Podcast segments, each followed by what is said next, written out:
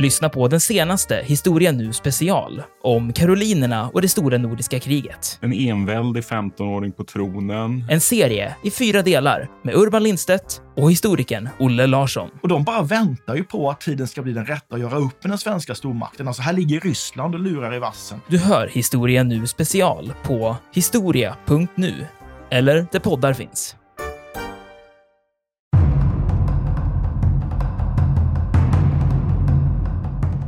Man ska ju inte säga att det är första gången man utbehandlas i en koloni, så är det ju inte. För man utbehandlas ju i Nordamerika ju faktiskt redan under slutet av eller, ja, 1700-talet. Men, men det här är ju ett, ett, ett så allvarligt uppror att man är tvungen att skicka enorma mängder trupper som jag har beskrivit. Sen finns det ju en aspekt på det här upproret som ju eh, har upprörde många i samtiden, som väl upprör oss idag också. Och det är ju att det, det, striderna för sig från båda sidor med enorm brutalitet. Och det tycker jag man kan fundera lite kring varför det blir på det sättet. Och är det därför att det finns det ojämlika förhållandet mellan britterna och den indiska befolkningen? Det är det enda sättet jag kan se på det, eller hur?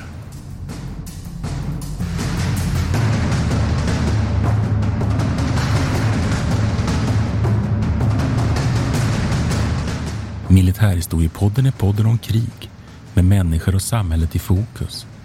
Programledare är Martin Hårdstedt, professor i historia vid Umeå universitet och Peter Bennesved, doktor i idéhistoria. Podden ges ut av förlaget Historiska Media. Stöd gärna MH-podden via vårt swishnummer 123 610 76 68. Märk betalningen med MH-podden.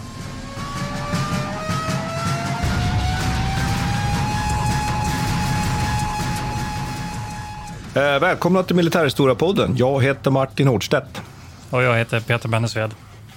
Sepoy-upproret, ja, Jag har ingen, alltså, ingen jättestor relation till det, utan det är, någon, det är liksom en historisk parentes för mig i min, mm. uh, i min skolning kan man säga. Tills uh, vi började prata om att vi kanske borde göra det. Jag tycker framförallt så uh, i de sammanhangen som jag har hört talas om Sepoy-upproret så har det oftast varit med nutida koppling. Att det har varit relaterat till så här problem i Irak, Afghanistan och, och extremistisk jihadism och sådana saker, att man har använt som inspirerats av Sepoy-upproret och att det ibland betraktas som den första liksom, ska säga, religiösa, eller första moderna konflikten. Religiös extremism eller vad man ska säga. Jag vet inte det, om, om, det, om det håller den, men det är i sådana sammanhang som jag har hört talas om det i alla fall. Mm. Nej, men man kan väl säga så här det är spännande tidsperiod, då, därför att Europa har ju egentligen befunnit sig i en fredsperiod och så kommer ju Krimkriget som en vattendelare och det utkämpas ju på Krim mestadels. Mm. Eh, och britterna har ju väldigt mycket trupp koncentrerat till, till Krimhalvön. Och sen briserar då det här upproret i det man ska väl säga då först att Indien är ju den viktigaste brittiska kolonin. Det är ju kronkolonin som man ju har byggt upp från början av 1600-talet och, och, och, successivt lagt under sig då i, i konkurrens framförallt med Frankrike, men även med andra holländare bland annat. Och att Indien är ju en, liksom en subkontinent på något sätt. Alltså, den är ju så, ett, ett så enormt stort eh, befolkningsområde, om man uttrycker sig så, med olika kulturer och olika religioner. Och där är ju framför allt de, den muslimska religionen och den hinduiska religionen dominerar. Så det är viktigt att komma ihåg. Nej, men det är en intressant sak med den här kolonin. Den styrs ju inte direkt från den brittiska regeringen, utan den styrs av ett, som en, eh, kan man säga då, kompaniegendom, ett företagsegendom. Och det är det där brittiska East Indian Company som på mandat av, av brittiska regeringen styr och sköter den här kolonin. Och det är ju ett problem, visar det sig, därför att man bedriver en form av vanstyre på många sätt i Indien. Och det här hävdar man sen i efterhand att det här är ett av orsakerna. Det kan man också diskutera om det verkligen är så att revolten verkligen bryter ut på grund av det här vanstyret. Då. Men hur kan det bli så? Varför, hur kan det bli så att ett företag liksom driver ett helt, det är fel, fel kanske att säga land, men en koloni Ja, det är att de ju inledningsvis är de som är initiativtagare till att bedriva handel, för det är ju framförallt så att man är intresserad av vissa produkter. Sen, sen finns det ju en relativt stor och brittisk eh, befolkning i, i Indien. Britterna har ju en, en så att säga brittiskfödd armé där på 50 000 man. Och sen finns det då en massa andra människor naturligtvis kring de här familjer. Det finns en hel del personer som jobbar för det här British East Indian Company och så vidare. Men tittar man lite då på det som vi ska in på, som ju är centralt här, är att man har ju då inte bara brittiska soldater, utan man har ju förutom de här 50 000 brittiska soldater, har man också 300 000 då inhemska soldater som kallas för sepoyer. Och det är framförallt i, i tre stycken regioner man rekryterar de här. Dels är det i Bengalen som är den största av de här inhemska arméerna. Men sen också i Bombay och Madras. Så där finns det en sak som jag tycker är spännande redan från början att konstatera att den armé där det här blir det stora problemet, det är ju eh, myteriet, upproret ju, briserar det är ju den här bengaliska armén. Och där framförallt så rekryterar man soldater från liksom den högre kasterna i det indiska samhället. Och det kan vara bra att veta här nu då att det finns en sån tradition att man är hårt bunden till en, föds in i en kast. Och de är mera problematiska. Medan i, i Bombay och Madras, i de, där de andra det är stora delarna av den inhemska armén, där är det mera Eh, kastneutrala soldater rekryteras. Så där finns det mindre motsättningar till det brittiska. Då. Så det där är en inledande sak man kan säga. Och sen, sen är det ju så att britterna under, ju, framförallt från 1820-talet och framåt, ju, inför mycket västerländsk kultur, levnadsvanor, traditioner i undervisningen. Man kommer ju på kant med de övre skikten i det indiska samhället.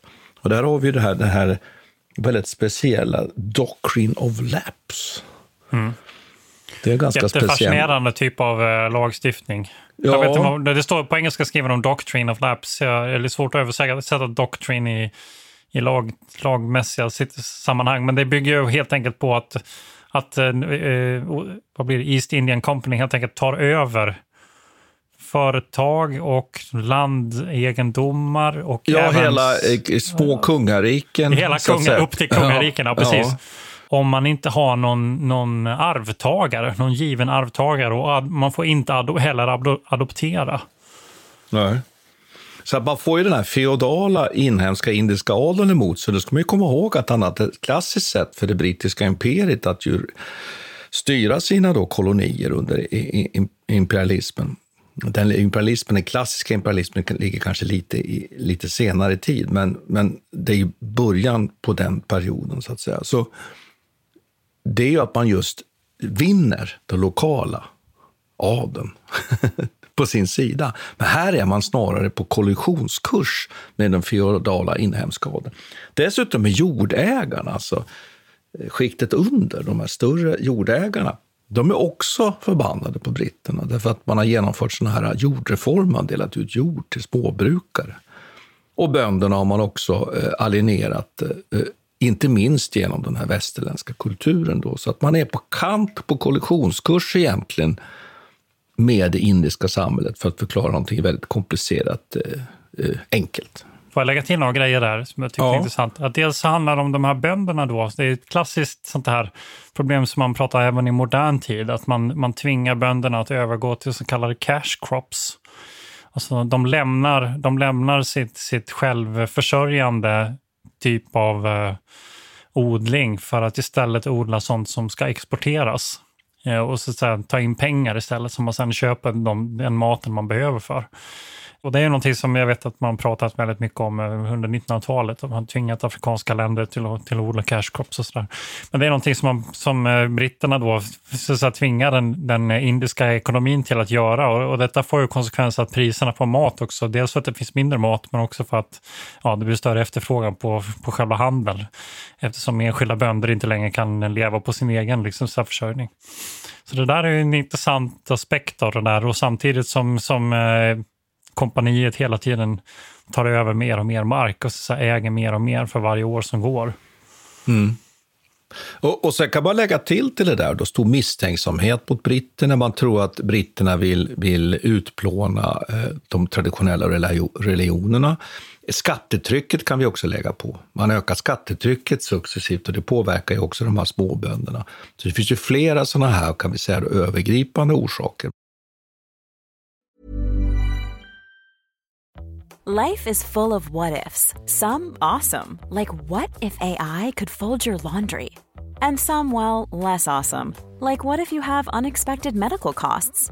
United Healthcare can help get you covered with Health Protector Guard fixed indemnity insurance plans. They supplement your primary plan to help you manage out of pocket costs. No deductibles, no enrollment periods, and especially no more what ifs. Visit uh1.com to find the Health Protector Guard plan for you.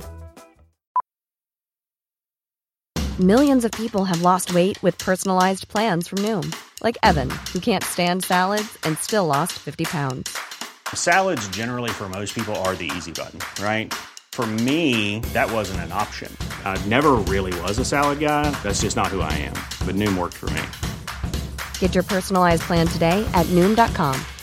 Real Noom user compensated to provide their story. In four weeks, the typical Noom user can expect to lose one to two pounds per week. Individual results may vary. This is Paige, the co-host of Giggly Squad, and I want to tell you about a company that I've been loving, Olive and June. Olive and June gives you everything that you need for a salon quality manicure in one box. And if you break it down, it really comes out to $2 a manicure, which is absolutely insane. It's also so easy to get salon worthy nails at home with Olive and June. The difference between how your nails used to look when you did them yourself and now with the Manny system is a complete game changer. The best thing about Olive and June too is it's a quick dry. Dries in about one minute, lasts for five days, and full coverage in up to one to two coats. Visit oliveandjune.com slash perfectmani20 for 20% off your first system. That's oliveandjune.com slash perfectmani20 for 20% off your first system.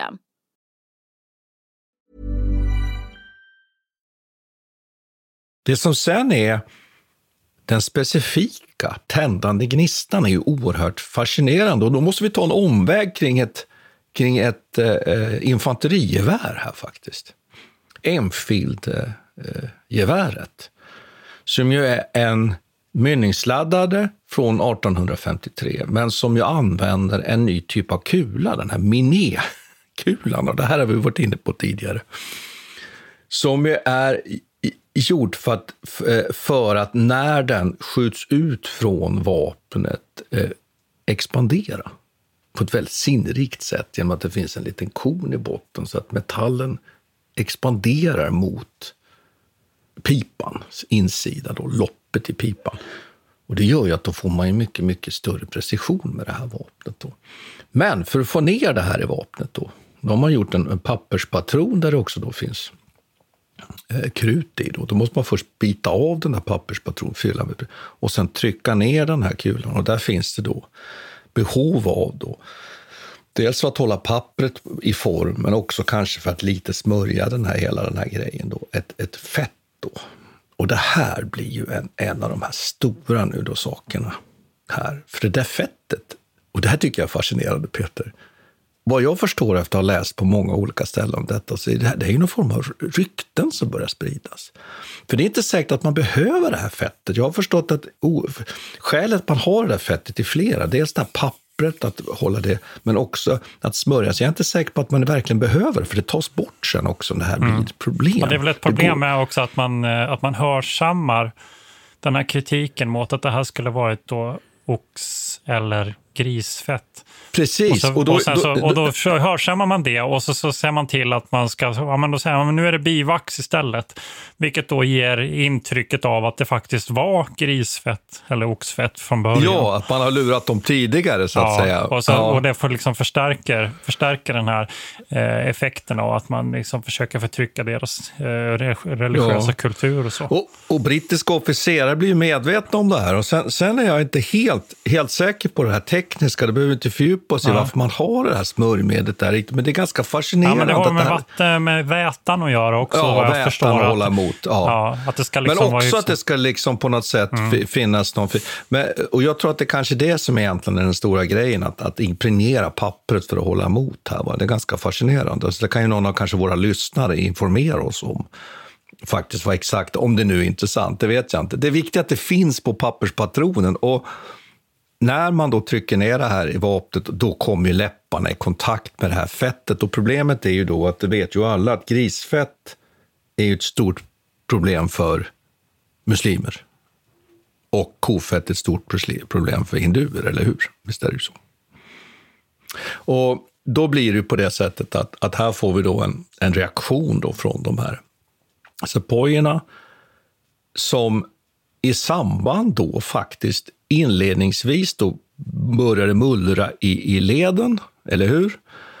Och det är ju så att det är inte så att det är entydigt egentligen bara en enda händelse. Det är ju en händelse som brukar lyftas fram här. Men det är ju så att det förekommer ju olika sådana här, ibland attentat mot brittiska officerare. Det finns lite oro i leden. Det, det, det, det håller på att tryckas upp en upprorsstämning. Jag tror framför allt är det så här, jag eh, skulle vilja koppla samman det här med Doctrine of Lapse som du pratade ja. om eh, tidigare, att om man har ett, eh, ett, en koppling här till att ett, ett rike som heter Awad, där man har, eh, sam, där man har dragit väldigt mycket soldater ifrån det här riket eh, utsätts då för den här Doctrine of Lapse-konsekvensen eh, mm. som gör att den här kungen Eh, och de, eh, det här eh, kungliga gardet som finns där helt plötsligt blir arbetslösa eller satta i pension. Så att många, alltså konsekvenserna för just de soldaterna blir att på hemma, hemma där de kommer ifrån så har så håller deras egen kultur på att luckras upp och väldigt många av de här, det som har varit den tidigare adelseliten, de här områdena, blir plötsligt blir arbetslösa helt enkelt. Så där har du en sån väldigt tydlig koppling att de kan inte, de kan inte bortse från, från det faktum att deras hemorter håller på att så att i den här brittiska kolonialmakten. Och sen har, får detta också väldigt praktiska konsekvenser för deras eh, löning, för att helt plötsligt så betraktas de här områdena inte längre som att det är utanför landet. Och då fick de ett litet påslag på lönen när de så att säga, åkte utanför rikets gränser in i ett annat territorium. Detta då tas ju bort eftersom territoriumet numera är eh, tillhör eh, East Indian Company. Så att de fick helt enkelt mindre betalt också som en konsekvens av det här LAPS-systemet. Det fanns också en, en, annan eh, grej om att de inte skulle, liksom, de skulle inte tjänstgöra utanför en viss gräns för då fanns det risk att de tappar sitt kast och sådana saker. Så att det, det blir flera olika sådana små indicier kan man säga, som leder men, upp till det här. Men, men, men, allt det här till slut då liksom fokuseras ju i den här, den här mycket berömda händelsen och det är väldigt svårt tycker jag att, det, att värdera. Jag tycker det är svårt man läser om det här, värdera vad det egentligen som, hur viktigt det här egentligen är. Men man kan konstatera så här att the third Bengal Light Cavalry, alltså det tredje lätta bengaliska kavalleriet, de har då en överstelöjtnant som heter George Carmichael Smith, som enligt litteraturen i alla fall är en högst osympatisk person. Eh, och har, kan man säga, låga tankar om Sepoy-soldater i, eh, i allmänhet och kanske i synnerhet då de som kommer med invändningar, om jag uttrycker mig så. Och intressant är att under, under en uppställning, om jag har förstått det här rätt, då, så vill han att de ska testa de här nya Enfield-gevären. Eh, och då är det ett stort antal av de som är på plats som helt enkelt vägrar det de degraderas då, eh, slits av uniformerna och döms så småningom till tio år, som jag förstår, då, straffarbete. Och det här är då den 24 april 1857. Och där, pang, trycks då på knappen och det utbryter då ett, ett myteri, men som då inte kan bara betraktas som ett myteri, utan det fortplantar sig och blir ett uppror där även civila är med. Och framför allt då nästa steg, det är att man Merut kan man inte försvara, utan man måste ta en plats man kan försvara. Och det man väljer är Delhi, som är en, en viktig provinshuvudstad. Och där man då också har vissa befästningsverk och där man inser att där kanske vi kan göra motstånd mot britterna, för man inser att det kommer komma emot reaktion. Då. Och i slutändan här så, så revolterar alltså 54 av 74 regementen i den här bengalska armén. Så det är ju ganska mycket soldater som nu plötsligt är på upprorssidan. Vet jag satt länge och funderade över liksom, vem tar ledarskapet i den här konflikten. Då? För det, det, känns ju som en sån här klassiker. Om en, om en sån här konflikt, en sån här våld ska vara framgångsrik så måste det också finnas en stark ledare som på något vis kan, som kan matcha den politiska, det politiska vakuumet som uppstår. Eh, men det är den här gamla Mughal-kungen. Mm. Som ju motvilligt skriver på då en deklaration och görs då som åtminstone, kanske inte som den verkliga ledaren, men i alla fall görs till, till frontfigur då i det här sammanhanget. Den här Badurshar Safar då. Som, som blir på något sätt då, eh, symbolledaren. Och, och, jag uppfattar att han, är mot, att han motvilligt då ger sig in. Men det, men det drivs ju av hela upproret drivs ju av andra und, underliggande. Och det är också viktigt att komma ihåg att det är ju nu då i den här nordcentrala delen av Indien framförallt, nordöstra delen som påverkas av det här inledningsvis. Och man kan ju fundera lite på nu varför britterna inte klarar av att hantera det här omedelbart. Och det har man ju menat just det, att man har mycket soldater på annan plats i världen. Jag tänker också liksom, på de här, eh, ja. de här samtida... Eh, ja, det är ju intressant att tänka, när vi pratar om kring, Krim, Krimkriget, eh, Krimkriget så var det, ja. så var det mycket mm. fokus på det här journalistiska, att det här var ett krig som hade väldigt stor eh, internationell spridning, eller det blev en stor nyhet. Och man använde telegrafen och så här för att kommunicera information. Telegrafen har inte nått till Indien än, så man har fortfarande problem med det där. Det tar sex veckor att få fram nyheterna.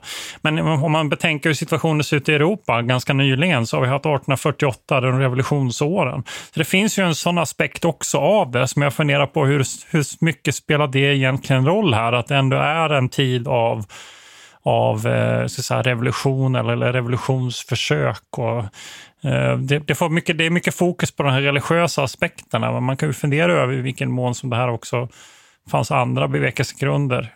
Mm. Var de inspirerade av den europeiska revolterna? Ja, alltså, Men det, det, här är, det, här är, det här är en konflikt som Karl Marx skriver om till och med. Han, sitter, han sitter ju i, i Storbritannien nu och skriver liksom, nyhetskrönikor om, om uh, Sepoy-upproret. Ja, några kommentarer på ja. att det här bär iväg för, för långt, så att säga. Ja. Men det, det, är väl att, att för det första så påverkas ju egentligen inte Storbritannien så mycket av 1848. Det är ju en sån där intressant sak egentligen faktiskt, att man har ju en om man uttrycker sig så, en lugnare väg genom 1800-talet inrikespolitiskt. Det skulle kanske någon säga emot mig här, men om man jämför då med, med i alla fall de här regelrätta gatustriderna i Paris och i Berlin och i Wien och ja, sådär, va? Så, så är det en stor skillnad där. Och jag ser inte heller att det skulle finnas liksom någon form av sån där koppling här, att det skulle ha funnits någon om man uttrycker sig så, någon Ho Chi Minh som nu kommer hem till Indien. Och nu, nu gör jag en parallell liksom till eh, Ho Chi Minh som är utbildad i Frankrike och sen kommer hem till Indokina och sätter igång, liksom, inspirerad av, av egentligen ett europeiskt tankegods, sen vara revolt. Så tror jag inte. Utan Nej, intressant. Jag, ser man på hur britterna betraktar det här så är det naturligtvis ett myteri. Så är det ju.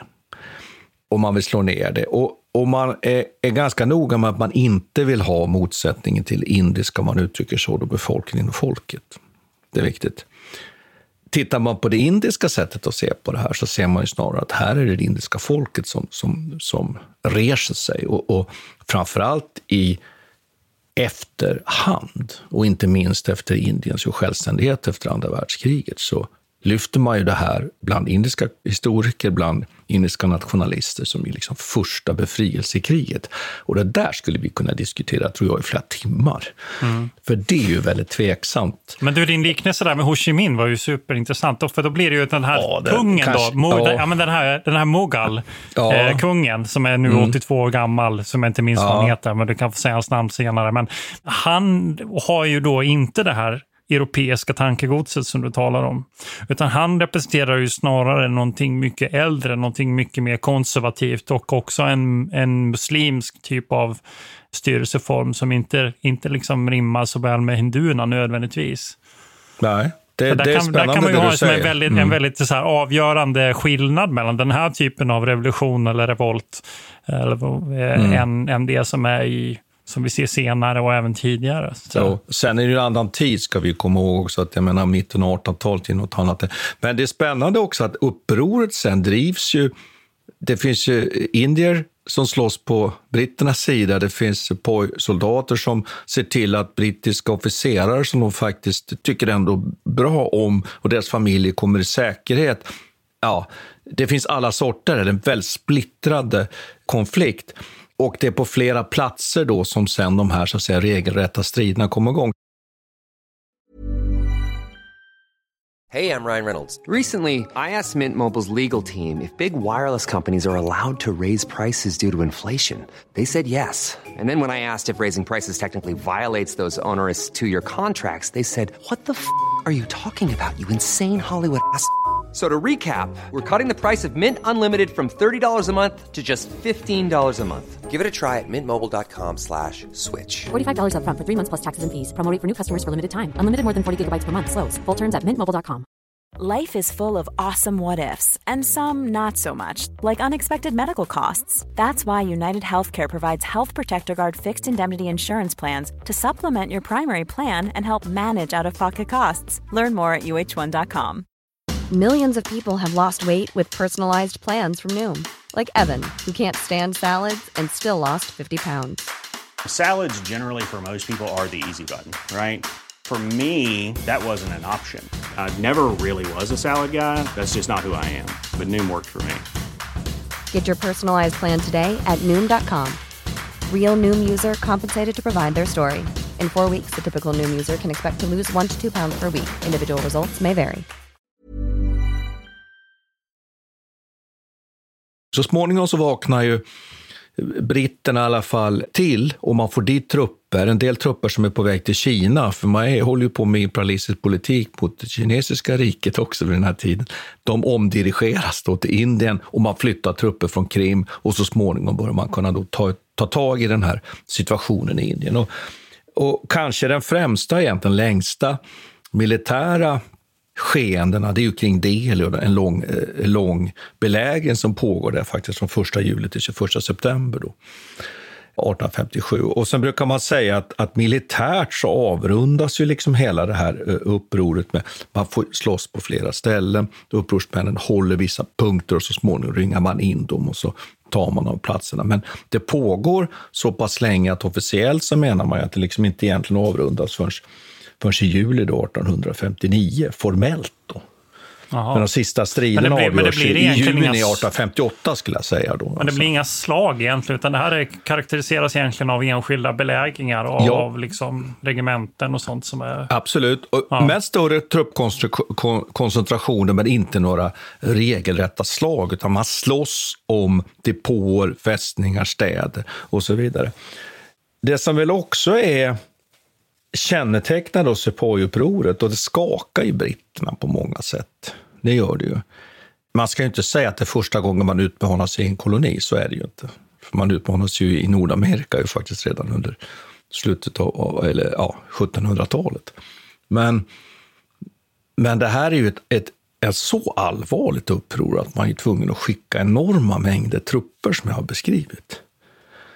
Jag skulle nog vilja säga att nästa gång man är tvungen att göra det, det är ju under boerkriget som vi faktiskt har spelat in ett avsnitt om att flytta, flytta hundratusentals man för att slå ner uppror. Sen finns det ju en aspekt på det här upproret som ju eh, upprörde många i samtiden, som väl upprör oss idag också. Och det är ju att det, det, striderna för sig från båda sidor med enorm brutalitet. Och det tycker jag man kan fundera lite kring varför det blir på det sättet. Och är det därför att det finns det ojämlika förhållandet mellan britterna och den indiska befolkningen. Det är det enda sättet jag kan se på det. Ja, men jag, jag, tror att jag, kanske att jag har någon aspekt på det där. För först ja. så kan man ju säga så här att det är någonting som kännetecknar det mediala landskapet här, det är ju att först så är man lite skadeglad från eh, de, eh, britternas olika motståndare eller antagonister. Vedersakare. Ja, ja, precis. Vedersakare. De är lite ja. skadeglada för att även britterna nu råkar ut för den här typen av revolter som man själva har dragits med i Europa, då, precis som du nämnde i Paris och eh, i Berlin och så vidare. Men detta övergår då, tack vare egentligen, eller inte tack vare, men som en konsekvens av att det blir så väldigt brutalt, övergår ju detta till en ganska eh, vad ska man säga, uppslutning bakom det britternas försök att stävja detta. För att det kommer så pass mycket rapporter om brutaliteten. Och här är det intressant, som det finns många paralleller liksom till, till mer samtida konflikter. Jag tänker även på det som pågår under 2022-2023 i Ukraina. Alltså fort den här typen av rapporter om, om, eh, om krigsbrott av olika slag kommer, då blir det en väldig ansamling av, eh, av resurser och uppslutning. Och jag tror att, jag kommer när vi gjorde ett avsnitt om barbarism för eh, något halvår sedan eller ett år sedan var det kanske. Jag tror det var mer än ett år sedan. Mm. Men eh, då diskuterade vi just att en av de mest, de mest brutala situationerna som uppstår är ju ofta när någon från de, de egna leden vänder sig Alltså någon, en, en grupp människor som skulle ha varit lojala vände sig. Och här har vi ju på båda sidor ser vi det. Å ena sidan så ser britterna från sitt håll att deras lojala sepojer har, har brutit med dem. Samtidigt som sepojerna å sin sida ser andra indier då som borde sluta upp på deras sida men inte gör det utan behåller kvar och, och, är lojala mot britterna. Så jag tror att där har du nog en ganska viktig nyckel till att förstå varför det här blir så brutalt. Det är inte bara på en sida utan det är på båda som man ser det här ja, illojala eh, beteendet liksom, som driver fram den här typen av eh, krigsbrott. Det finns ja. ju en väldigt känd massaker. Eh, som, ja, som vi, vi kanske ska ta den. Ja. Det är ett, en av de här, kan man väl säga, berömda som vi fick mycket publicitet i samtiden och det är ju belägringen av, av eh, det som det finns lite olika, idag kallas ju eh, staden någonting, någonting helt annat, eller hur?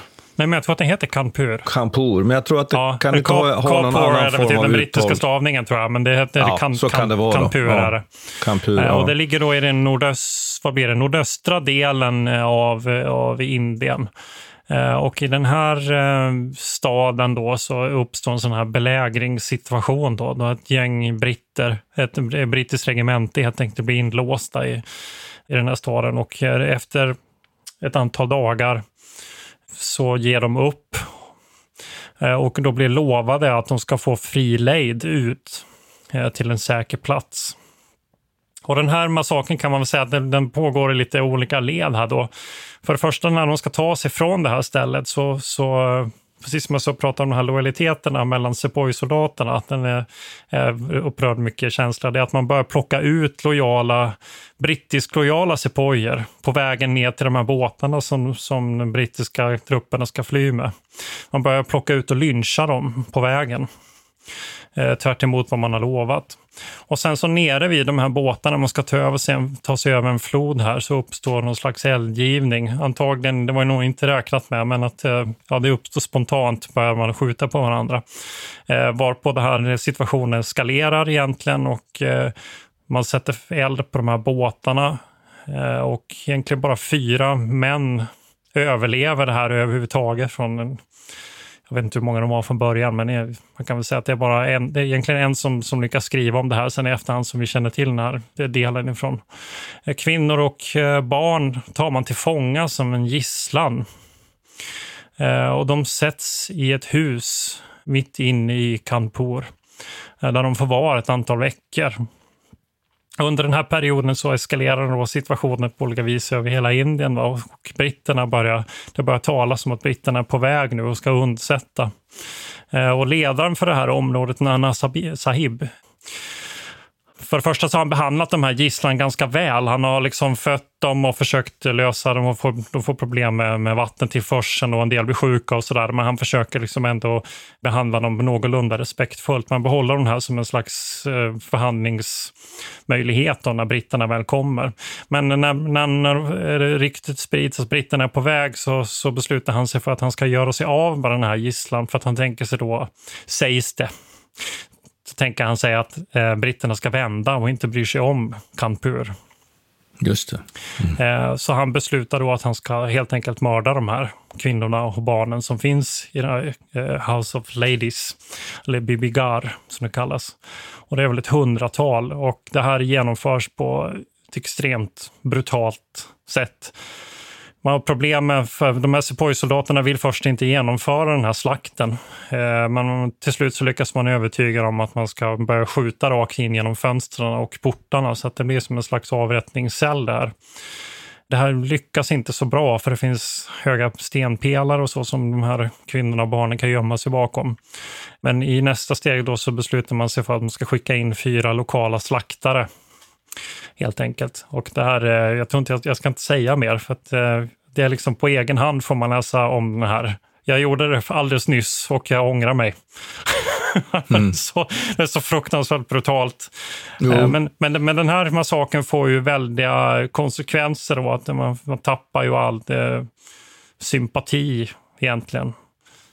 Ja, och det, precis, och det sprids ju som du säger och, och gör ju sannolikt att eh, motreaktionerna och hämnden från, från britternas sida ju späs på.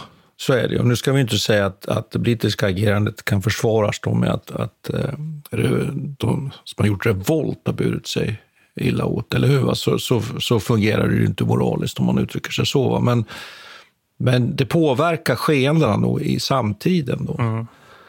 Eh. Konsekvenserna blev från britternas sida blev helt enkelt att de blir också urskillningslöst mördar eh, alla som de stöter på. Det blir ju ett, ett problem nu att när de väl återtar de där ställena så skiljer de inte längre på vilka som var rebeller, så att säga, revoltörer och vilka som var bara oskyldiga bystanders. Utan det är väldigt många civila mördas ju som en konsekvens av det här också. Men den här, den här Nana Sahib som du, som ja. du nämner här, eh, där vet jag att det finns ju de som liksom också har tänkt att kan det ha varit så att att det också var så att de runt omkring honom ville förstöra hans relation till britterna? Eller, ja, jag vet inte. Kan man, kan man spekulera så? Ja, jag har ingen aning faktiskt. Nej, det är liksom... Det, Nej, det, är, det är svårt också att veta sanningshalten, får man, får man komma ihåg. att e- Egentligen så finns det inga indiska vittnesmål kvar av det här. Det finns väldigt lite indiska röster i den här historieskrivningen, utan de som har skrivit om detta, det är britter. Så det kan man väl bara som en allmän brasklapp säga att, att källäget är faktiskt ganska dåligt trots att det är en väldigt modern konflikt. Och jag gissar att britterna har väl varit måna om att också vinkla den här historien till sin egen fördel. Mom deserves the best, and there's no better place to shop for Mother's Day than Whole Foods Market. They're your destination for unbeatable savings, from premium gifts to show-stopping flowers and irresistible desserts. Start by saving 33% with Prime on all body care and candles. Then get a 15-stem bunch of tulips for just $9.99 each with Prime. Round out Mom's menu with festive rosé, irresistible berry chantilly cake, and more special treats. Come celebrate Mother's Day at Whole Foods Market. Hey, it's Paige DeSorbo from Giggly Squad.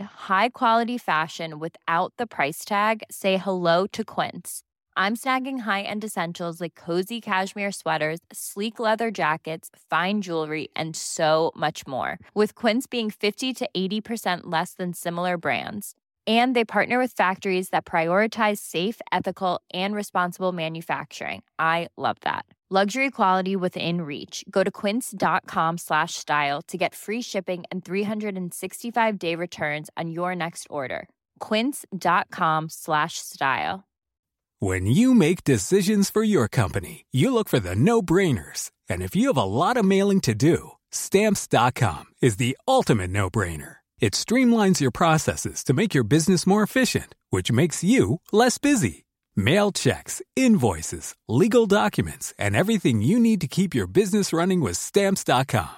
Seamlessly connect with every major marketplace and shopping cart. Schedule package pickups and see your cheapest and fastest shipping options from different carriers. With rates up to 89% off USPS and UPS rates. And with the Stamps.com mobile app, you can take care of mailing and shipping wherever you are. Make the same no-brainer decision as over 1 million other businesses with stamps.com. Sign up with code program for a 4-week trial plus free postage and a free digital scale. No long-term commitments or contracts.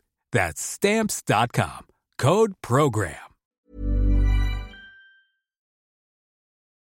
Sen är det ju rätt klart då att, att eh, hämnden blir ju ännu mer omfattande om man uttrycker sig så. Man, man dödar ju och förstör hela byar, förstör, dödar befolkningen.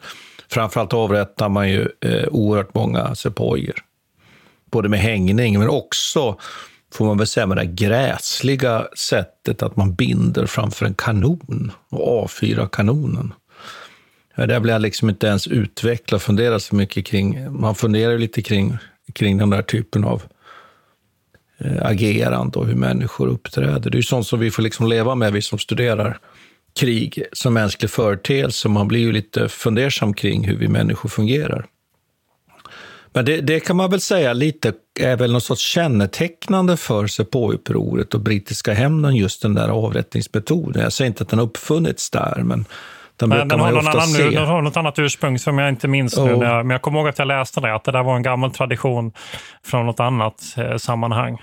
Men jag förstår inte Martin, en grej som när man läser de här sakerna, eh, det är ju den här förmågan i de här liksom, avrättningssituationerna, hur de här personerna beslutar sig för att liksom, utföra de här dåden. Liksom. Jag vet, Ja. vet vi har diskuterat det här tidigare, men på det här sättet det är liksom, man förstår giljotinen på ett sätt. alltså, Ja, den de är lite kom- mekanisk och Ja, opersonlig. precis. Ja. Att det finns så här, du kan Mm. dra den här grejen va? och så, så smäller det och så, så här, Ja. du kan, du kan göra på avstånd och det finns ju sådana mekanismer också för, för hängningar. Va? Så, men, men, men det här sättet som de utför en del av de här avrättningarna och de här massakrerna som görs i Bibigar är ju på, på ett sätt eh, så brutala och som måste ske med sådan avhumanisering att det är liksom svårt Mm. att föreställa sig. Ja, men jag tror att ett av dina svar är ju om humaniseringen. Och tittar man lite mer modernt, det finns ju det här klassiska, jag har spelat in en, en podd en gång om den här 101 reservpolisbataljonen.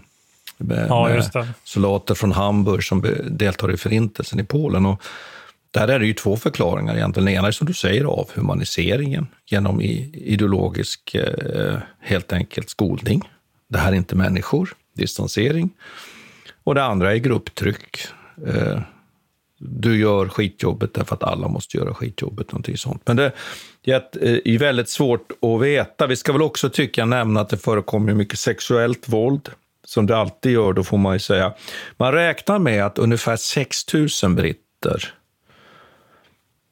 dör i Sepoy-upproret, civila och militärer, av ungefär en brittisk befolkning i Indien på 40 000. Det, det, det tycker jag är en ganska eh, förfärande men intressant siffra. Hur många indier som dör i Sepoy-upproret när britterna så småningom slår ner upproret, man återtar Delhi och lägger det i ruiner och flera andra platser i Indien, så räknar man med 800 000. Men då menar man att det borde vara fler med tanke på att det blir svårt med försörjningen efter att upproret är nedslaget och så vidare. Så att stora konsekvenser. Eh, men det är ju inte bara det här med död, utan man kan väl säga att eh, eh, relationen mellan britterna och indierna förändras ju efter Sepoy-upproret. Och det är svårt att vrida, vrida klockan tillbaks. Det är det ena. Det är också så att det här East Indian Company, British East Indian Company, så dess styre i Indien får ett slut. Och man inför direktstyre från, från eh, Storbritannien och där kan man ju fundera egentligen kring om det där fick så stor praktisk betydelse. En intressant sak här tycker jag att drottning Victoria går in och gör någon form av deklaration till Indien. Det finns ingen konstitutionellt bindande, men man menar då att indierna egentligen då ska få samma rättigheter som, som britterna. Svårt att upprätthålla det där naturligtvis. Och, och, och, men ändå tycker jag en, en intressant fråga att man ju från brittisk sida, eller en intressant fråga är ju, är det så att man från brittisk sida faktiskt ändå är självkritisk, att man, man inser att man har kanske faktiskt drivit den indiska befolkningen till, till ett uppror. Och framförallt att man har misslyckats i just det här som jag var inne på här tidigare, att samarbeta med de här inhemska eliterna. Det, det tycker jag att det lite tyder på, eller hur? Mm. Ja, ja, precis. Det, det har vi sett många exempel på i den här podden om hur man liksom assimilerar olika typer av kungariken in i större imperier och så. Det kan ske på väldigt olika sätt. Eh, och den här metoden känns ju eh, inte lika... Som om vi jämför med den romerska eh, attityden som är ju på ett helt annat sätt. Det var ju mer inbjudande, var ju mer colony by invitation på något vis. Och där också de som blev övertagna fick så här rättigheter också i den romerska senaten och sådana saker som är det är ju en, också en, en, ett annat sätt att göra det som britterna tydligt misslyckades med. Det skulle vara intressant och som en större fråga också, nu bara tanke som slog mig, att det skulle vara intressant att få veta mer om, om på vilket sätt den här konflikten egentligen har format Storbritanniens relation med Indien över lång tid, liksom över de här åren som har gått sen. Ja, det är ju över 150 år sedan nu. Och för alla som har varit i Storbritannien någon gång vet ju att det är extremt mycket indier där. Ja, jättespännande tycker jag. Och också, Ja. tyck, och också att den ju, den ju används ju just på det sättet att det är det första befrielsekriget. Och det skulle man kunna resonera om, om, om, om hur länge som helst. Och, men en sak som man kanske ändå skulle lägga till, det är att man också omorganiserar eh, rekryteringen av soldater in, i, eh, inhemska eller infödda, ska man väl säga, indiska soldater och försöker liksom plana ut de här eh, kastproblemen, eh, om jag uttrycker mig så. Särskilt då i den här bengaliska armén, att man eh, tänker om där. Sen är det en spännande sak, tycker jag, som man kanske skulle kunna avrunda med, som jag tyckte du öppnade upp här lite nu. Den är ju dels, ja visst, det, det, det är en stor indisk, eh, indisk befolkning med sitt ursprung från Indien i Storbritannien idag. Eh, Indien är ju också lojalt under världskrigen. Det är ju spännande. Ja, just det. Det har vi pratat en del, om. Det är ganska spännande tycker jag. Eh, men det, det, det, det har, ju, att, att, det är ganska spännande att här, den här aspekten finns också på den här, på något sätt, indiska lojaliteten ändå mot det brittiska imperiet. Och det kan man ju, tycker jag, fundera på i, i, det, i, det, oänd, i, i det oändliga. Så spännande, spännande. Men jag, jag tror att vi får stänga butiken där när det gäller Sepoy-upproret. En, får man väl säga, förfärande händelse. Ja, det var, det var faktiskt... eh, Jag ångrar mig att jag läste om Att du läste om saken. Ja. Men också tycker jag att sån här underligt märklig, hörru du, koppling Ja. till Enfield, geväret och, och, och fett på patroner. Ja, Konstigt. kan liksom slå lös Ja. där. Ja, men tack ska vi ha. Ja, tack ska vi ha. Tack. Vi tackar Peter Bennesved och Martin Hårdstedt. Kontakta gärna Militärhistoriepodden via mejl på militarhistoriepodden historia.nu. Peter och Martin vill gärna få in synpunkter och förslag till programidéer.